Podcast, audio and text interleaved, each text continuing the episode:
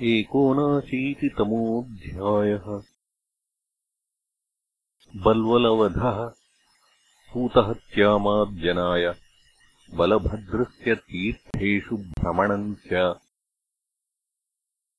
श्रीशुक उवाच ततः पर्वण्युपावृत्ते प्रचण्डः त्वाम् सुवर्षणः।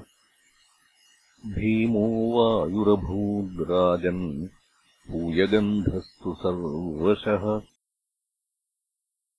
ततो मेध्यमयम् वर्षम् बल्वलेन विनिर्मितम्। अभवद्यज्ञशालायाम् सोऽन्वदृश्यतशूलभृक् तम् विलोक्य बृहत्कायम् भिन्नाञ्जनचयोपमम्। तप्तताम्रशिखाश्मश्रुम् दंष्ट्रोग्रभ्रुकुटीमुखम् सस्मारमुसलम् रामः परसैन्यविदारणम्। हलम् च दैत्यदमनम् चेतूर्णमुपतस्थतुः। समाकृष्य हलाग्रेण बल्वलम् गगनेचरम् मुसलेनाहनत्क्रुद्धो मूर्ध्नि ब्रह्मद्रुहम् बलः। सोपतद्भुवि निर्भिन्नललाटोऽसृक्तमुत्सृजन् मुञ्चन्नार्तस्वरम् शैलो यथा वज्रहतोरुणः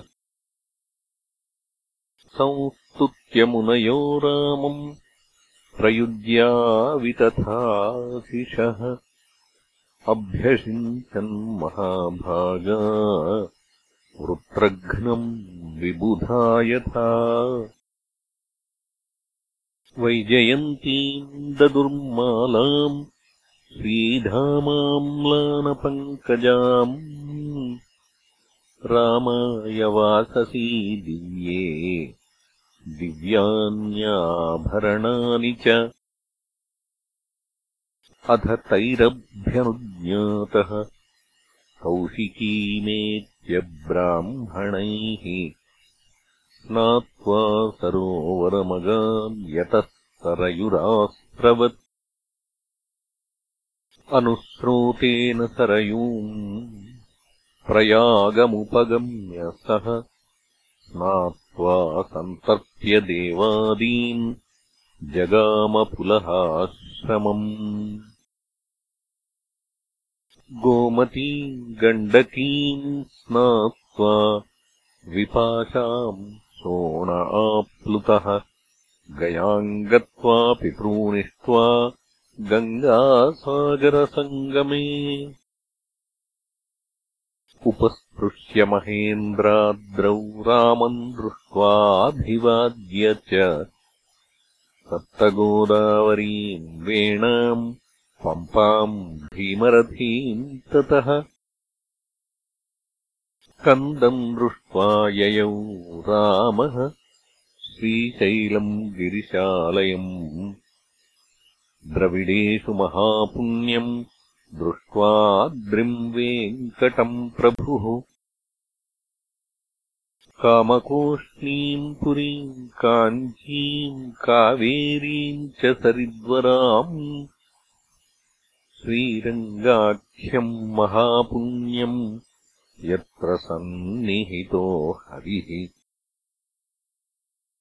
ऋषभाद्रिम् हरेः क्षेत्रम् दक्षिणाम् मथुराम् तथा सामुद्रम् सेतुमगमन्महापातकनाशनम् तत्रायुतमदाद्धेनूर्ब्राह्मणेभ्यो हलायुधः कृतमालाम् ताम्रपर्णीम् मलयम् च कुलाचलम् तत्रागस्त्यम् समासीनम् नमस्कृत्याभिवाद्य च योजितस्तेन चाशीर्भिः अनुज्ञातो गतोर्नवम्। दक्षिणम् तत्र कन्या नाख्याम् दुर्गाम् देवीम् ददर्श सः ततः फाल्गुनमासाद्य पञ्चाप्सरसमुत्तमम्। विष्णुः सन्निहितो यत्र स्नात्वा स्पर्शद्गवायुतम् ततोऽभिव्रज्य भगवान् केरलांस्तु त्रिगर्तकान् गोकर्णाख्यम् शिवक्षेत्रम् सान्निध्यम् यत्र धूर्जटेः। आर्याम् द्वैपायनीम् दृष्ट्वा शूर्पारकमगाद्बलः तापीम् पयोष्णीम् निर्विन्ध्यामुपस्पृष्ट्याथ दण्डकम्। प्रविश्य रेवामगमद्यत्र माहिष्मतीपुरी। मनुतीर्थमुपस्पृश्य प्रभासम् पुनरागमत्। श्रुत्वा द्विजैः कथ्यमानम् कुरु पाण्डवसंयुगे। सर्वराजन्यनिधनम् भारम् मेने हृतम् भुवः। स भीमदुर्योधनयोर्गदाभ्याम् युध्यतोर्मृधे। वारयिष्यन् विनशनम् जगामयदुनन्दनः। युधिष्ठिरस्तु तम् दृष्ट्वा यमौ कृष्णार्जुनावपि। अभिवाद्याभवम् स्तूष्णीम् किम् विवक्षुरिहागतः? गदापाणी उभौ दृष्ट्वा संरब्धौ विजयेशिणौ मण्डलानि विचित्राणि चरन्ताविदमब्रवीत्। युवान् तुल्यबलौ वीरौ हे राजन् हे वृकोदर एकम् प्राणाधिकम् मन्ये उतैकम् शिक्षयाधिकम्।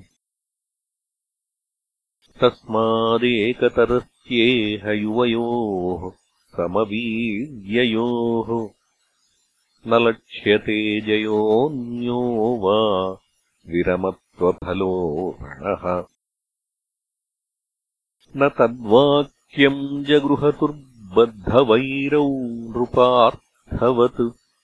अनुस्मरन्तावन्योन्यम् दुरुक्तम् दुष्कृतानि च। दिष्टम् तदनुमन्वानो रामो द्वारवतीम् ययौ। उग्रसेनादिभिः प्रीतैर्ज्ञातिभिः समुपागतः। तम् पुनर्नैमिषम् प्राप्तम् ऋषयो याजयन् मुदा क्रत्वङ्गम् क्रतुभिः सर्वैः निवृत्ताखिलविग्रहम्। तेभ्यो विशुद्धविज्ञानम् भगवान् यतरद्विभुः येनैवात्मन्यदो विश्वम् आत्मानम् विश्वगम् विदुः। स्वपत्न्यावभृतः स्नातो ज्ञातिबन्धुसुहृद्वृतः। रेजे स्वद्योत्स्नयेवेन्दुः सुवासाः सुष्ठलङ्कृतः ईदृग्विधान्यसङ्ख्यानि बलस्य बलशालिनः। अनन्तस्याप्रमेयस्य मायामत्यस्य सन्ति। हि योऽनुस्मरेत रामस्य कर्माण्यद्भुतकर्मणः। सायम् प्रातरनन्तस्य विष्णो सदयितो भवेत् इति श्रीमद्भागवते महापुराणे दशमस्कन्धे पारमहंस्याम् संहितायाम् उत्तरार्धे एकोनाशीतितमोऽध्यायः